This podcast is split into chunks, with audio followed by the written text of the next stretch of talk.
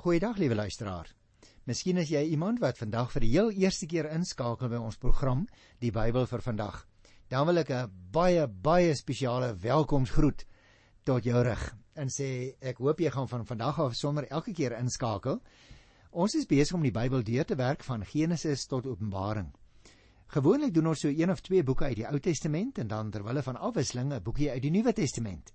Ons is op hierdie stadium besig met die boek Psalms. Maar baie interessant. Volgens die ou Joodse indeling kan 'n mens die boek Psalms indeel in 5 bundels.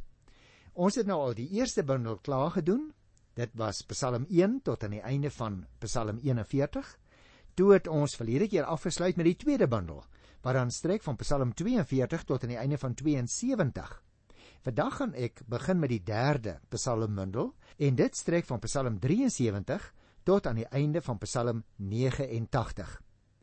Tussen hakies, ek het ook daarop gewys in die verlede dat elkeen van hierdie 5 bundels sluit af met 'n lofverheffing.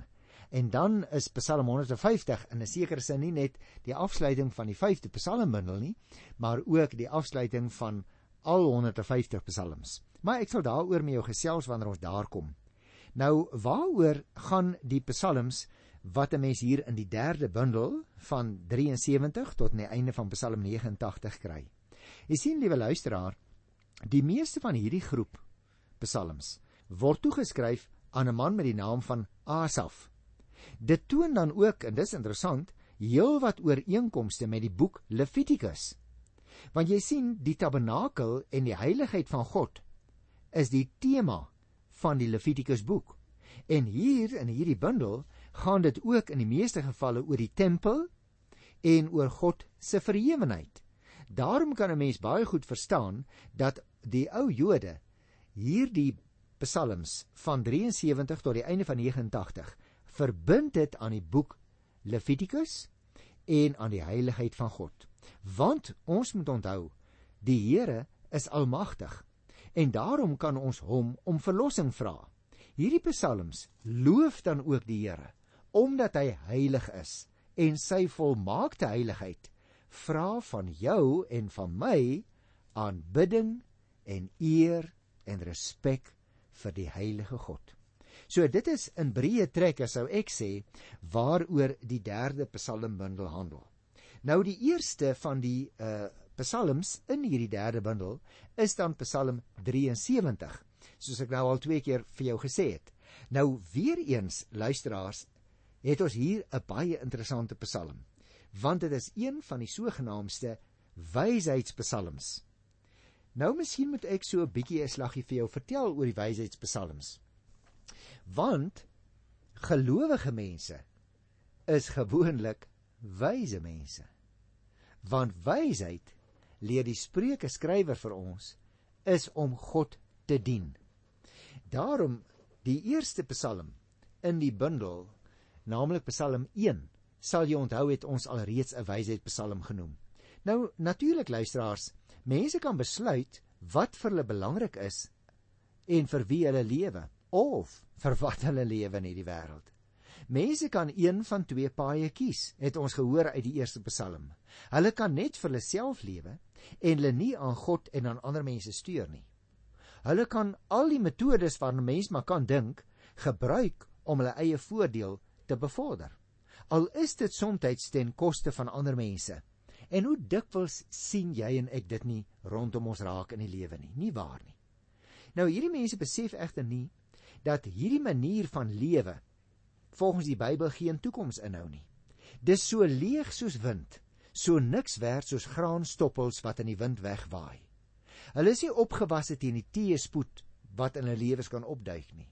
Jy sien, in God se oordeel oor hierdie mense se lewens word hulle eenvoudig te lig bevind. Hulle is in God se oë niks anders nie as dwaase. Daarom byvoorbeeld ook die gedagtes in die boek Spreuke oor wysheid en dwaasheid kom in 'n hele aantal wysheidspsalms ook voor. Woorde soos insig, verstaan, wys, dwaas kom byvoorbeeld gereeld voor in wysheidspsalms. Kom ek noem jou 'n paar daarvan. Ek het dan al verwys na Psalm 1. Daar's ook Psalm 37, 73 waaroor ons dan vandag met mekaar gaan begin gesels as deel van die derde psalmbundel. En hierdie psalms, liewe luisteraars, is duidelik bedoel om ander mense te leer oor wat goed en wat verkeerd is in die lewe. Met vrae en antwoorde word die hoorder se gedagtes dikwels geprikkel om die regte besluite te neem. Die antwoorde word nie noodwendig gegee nie, maar die vrae word gevra. Ander psalms wat jy kan naslaan wat ook deurgaan as wysheidspsalms is byvoorbeeld Psalms 111 en 112, ook 119, 127 en 128 en dan ook ten slotte Psalm 138. Jy sien, in hierdie psalms kom die hele gedagte dikwels na vore dat die gelowige wys is en verstandig. Hy hou hom nie met sulke mense of met hulle mentaliteit op nie. Die belangrikste ding vir die gelowige is dan ook die woord van die Here. Hy dink dag en nag daaroor na en hy probeer om daarvolgens te lewe. Hy is daarin gewortel en hy dra die vrugte van die liefde en die geregtigheid wat daarin vir hom of haar geleer word. Sy lewe is suksesvol en voorspoedig. Die Here loop saam met die gelowige op sy lewenspad. Ons vra dus as gelowige mense, nie in die eerste plek is die Here aan my kant nie, maar ons keer dit juis om, want so verstaan ons die Bybel, is ons aan die Here se kant. En dit is natuurlik 'n krities belangrike vraag. Nou ja goed, voordat ek so bietjie Psalm 73 gaan verpraktiseer en vra wat beteken dit vir die praktyk van vandag, gaan ons nou eers kyk na die Psalm self. Want jy sien die probleem wat byvoorbeeld ook in Psalm 37 en 39 en 40 en ook in die boek Job dikwels aangespreek word word juis hier aan die orde gebring in Psalm 73. Dis eintlik 'n filosoof digter wat nie kan verstaan waarom gaan dit nou goed met die goddeloses en waarom gaan dit sleg met die regverdiges nie. Maar nadat hy besef het dat geregtigheid wel sal seëvier aan die einde van die lewenspad, het hy God se wysheid begin erken. En daarom hierdie tema laat 'n mens so 'n bietjie vermoed dat dit een van die wysheidspsalms is, wat dit dan ook inderdaad is. Daar's twee opvallende temas wat eintlik na vore kom in Psalm 73. Eerstens, die goddeloses is voorspoedig. En dit laat natuurlik gelowiges wonder waarom hulle nog die moeite werd ag om te lewe. 'n Tweede tema is die goddeloses se besittings wat so aanloklik lyk dat die gelowiges in die versoeking begin kom. Wens ons kan so van tyd tot tyd 'n bietjie plekke ruil met die ongelowige. Onthou dus, liewe luisteraar, met hierdie Psalm begin die sogenaamde derde psalmbundel en hierin is dan oorwegend psalms opgeneem waarin vrae gevra word, maar waarin die antwoord gewoonlik min of meer dui in die rigting van die antwoord is by God te vind. En Psalm 73 is 'n baie goeie voorbeeld. As ek klaar is met die eksegese, gaan ek dit uh, vir jou probeer uitwys. Kom ons lees dan die eerste 3 verse. God is vir Israel baie goed, vir die wat rein van hart is. Tog het ek daaraan begin twyfel. Ek het byna koers verloor, want ek het die hooghartige goddeloses met afguns beheer toe ek hulle voorspoed sien. Jy sien, Asaf begin dus die Psalm met die algemene stelling wat hy aanvaar het wat geldig was in daardie tyd en aan die einde weer in volle oortuiging onderskryf maar waaroor hy vir 'n hele ruk lank getwyfel het. In hierdie stelling beantwoord hy ook die vraag: Wie is Israel? Jy sien, luisteraar, die ware Israel is die wat rein van hart is. Dit staan al reeds in die eerste vers. Die wat die reg het om in die tempel te kom. Ons het dit geleer uit Psalm 15 by die eerste vers. Maar die stelling, die teorie, die geloofsbelijdenis as jy wil, dat God goed is vir die wat rein van hart is, het vir hom nie geruim met die praktyk nie. Hy het byvoorbeeld gekyk na die goddeloses wat hy ook daar noem in die derde vers. Hulle word ryk en hulle geniet voorspoed. Maar die vromes het kwellings en sorges. Hulle verstaan die lewe nie. Kom ons lees vers 4 tot by vers 12. Hulle het geen kwellings nie. Hulle is sterk en gesond. Hulle het nie sorges soos ander mense nie. Hulle het nie teëspoed soos ander nie. Daarom hang die trots aan hulle soos 'n halsnoer en kleef geweld aan hulle soos 'n kleed. In die weelde van hulle voorspoed matig hulle hulle enigiets aan. Smaal en stook hulle hulle kwaad. Hooghartig dreig hulle met geweld. Hulle laster teen die hemel en beledig links en regs op die aarde. Tog tog hang die volk hulle aan en drink gretig hulle woorde in. Hulle vra: "Hoe sal God dit uitvind? Hoe sal die Allerhoogste dit weet?" Dit is hoe die goddelose mense is. So gaan hulle ongehinderd voort om rykdom op te hoop. Jy sien, hierdie persoon sê hy het oor alles nagedink En nou kyk hy na die goddelose. En hulle is eintlik besig om rykdom op te hoop daar in die 12de vers. Hulle lekker lewe. Hulle lewe vry van sorges en kwale. En dit maak hulle trots volgens vers 6. Hulle dra dit soos parelstringe om hulle nekke. Hulle steur hulle aan niemand of aan niks nie. Hulle gebruik geweld om hulle self te verryk. Daar in vers 6b en ook in vers 7b sien die mense baie duidelik. Daar is dus luisteraars 'n opbou tot 'n hoogtepunt in die beskrywing van die goddeloses. Rykdom, 'n kommervrye lewe, trots, hoogmoed, geweld, onsag vir niks, totdat hulle selfs sê vers 9 vir God begin laster. Nou hierdie oppervlakkige bravado beïndruk natuurlik die volk want hulle begin om die goddeloses na te praat. Dikwels is jy en ek ook so. Luister 'n bietjie. Daar in vers 11 byvoorbeeld, hoe sal God van die onreg en die geweld te wete kom? Met ander woorde, ons doen ook maar soms wat die goddelose doen. En dan sê ons vir onsself, ag, maar die Here, hoe gaan hy dit nou weet? Selfs hy, die Allerhoogste. Mens kry dieselfde soort van gedagte in Psalm 7 by die 18de vers. Maar die psalmdigter sê dit is nie soos 'n mens behoort te lewe nie. Ek gaan net nou daarby terugkom. Nou in die tweede gedeelte van die Psalm wat hier van die 15de vers af geskrywe is, sal jy sien die bidder besef deur aan te gaan met verwyd en selfbejammering bereik hy natuurlik self niks. Eers nadat hy die lewe van die goddeloses vanuit die perspektief van God begin sien, Eers dan gaan hy tot rus kom. En daarom in vers 21 tot by vers 28 sal jy sien daar is verbittering en jaloesie wat die bidder uiteindelik blind gemaak het. En tog, tog was God nog al die tyd by hom. Tog het God hom aan die hand gevat en gelei, ook toe dit donker was en hy selfs wou wanhoop. Kom ek lees so 'n stukkie daarvan. Hy sê van vers 21 af: Toe ek verbitter was en veronreg gevoel het, was ek dom en sonder insig, soos 'n redelose dier, het ek teenoor u my gedra. Tog was u nog altyd by my, want u vat my aan die hand. U lei my met u raad en aan die einde sal u my in ere opneem.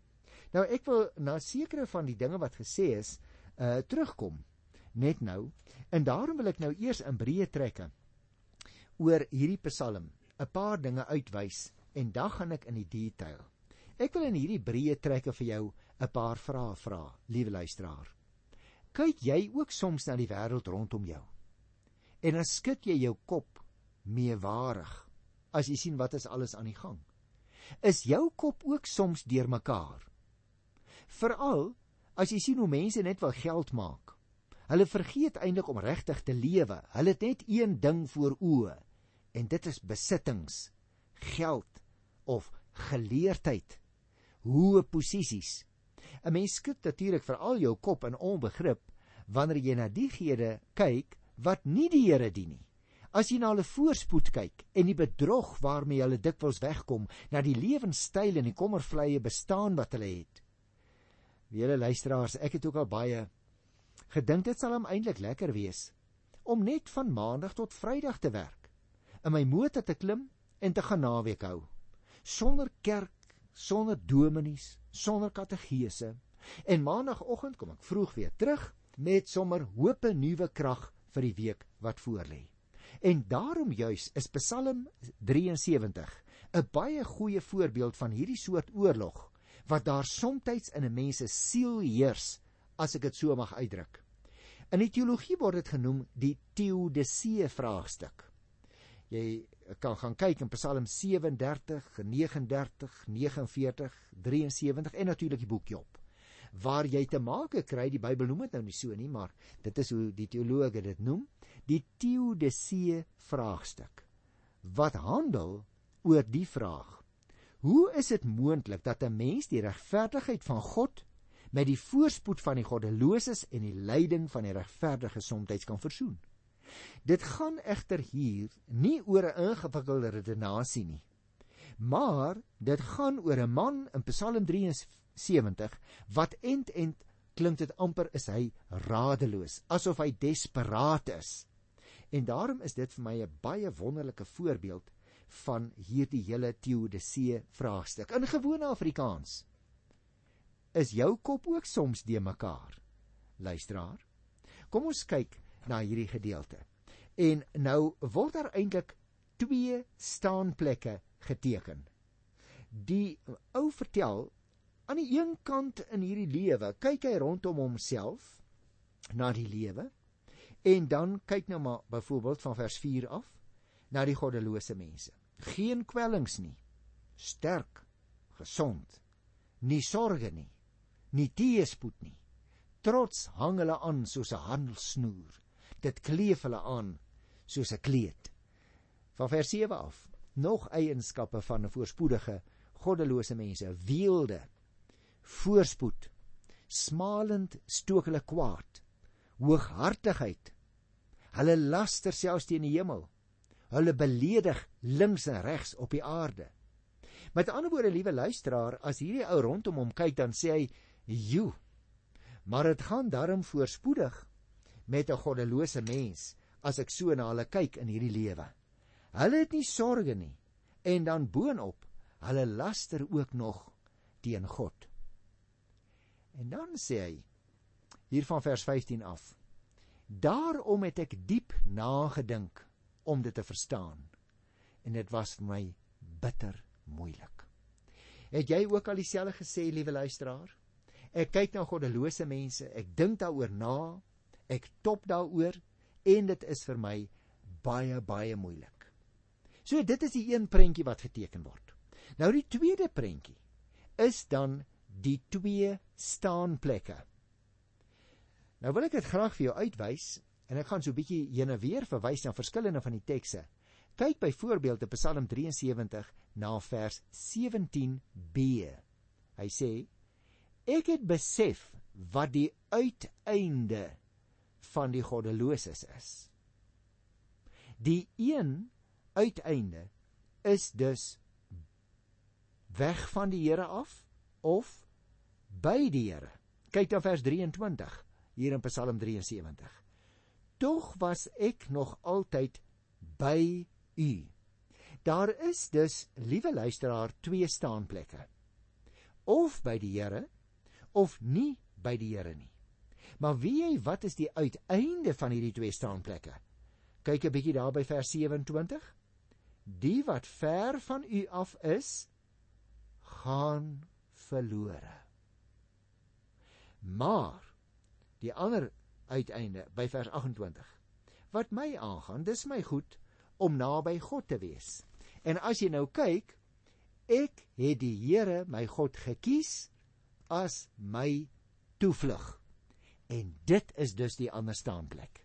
Die een staanplek in die lewe is die van die goddeloses. Hulle staanplek is weg van die Here af.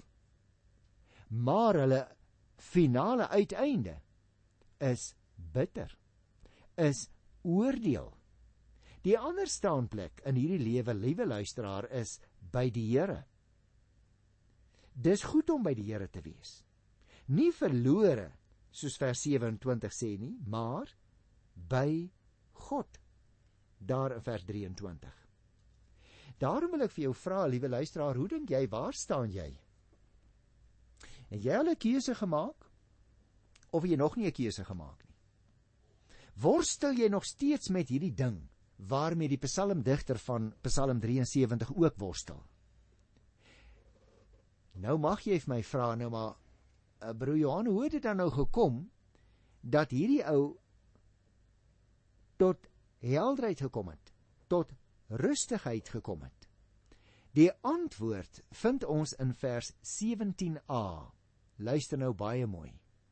Ek lees: Totdat ek in die heiligdom van God ingegaan het. En liewe luisteraar, daar het ons die antwoord. Dit is in die teenwoordigheid van God dat hierdie ou tot die insig gekom het daar is net twee staanplekke in hierdie lewe en daar is dus aan die einde van ons lewe net twee uiteindes in die teenwoordigheid van God. In sy geval het hy in die tempel ingegaan want dit was natuurlik die gebruik van daardie tyd. Jy en ek kan miskien in 'n erediens sit, miskien soms daar in die veld besig wees met die Here in die gebed, miskien rustig in ons kamer sit of by 'n tafel ons lees die woord van die Here. En dan raak ons koppe de mekaar as ons dink aan die lewe daar buitekant. Maar wie jy wanneer kom die eenvoudige insig in God se teenwoordigheid. En dit is my een van die wonderlikste uitstaande kenmerke juis van die wysheidspsalms.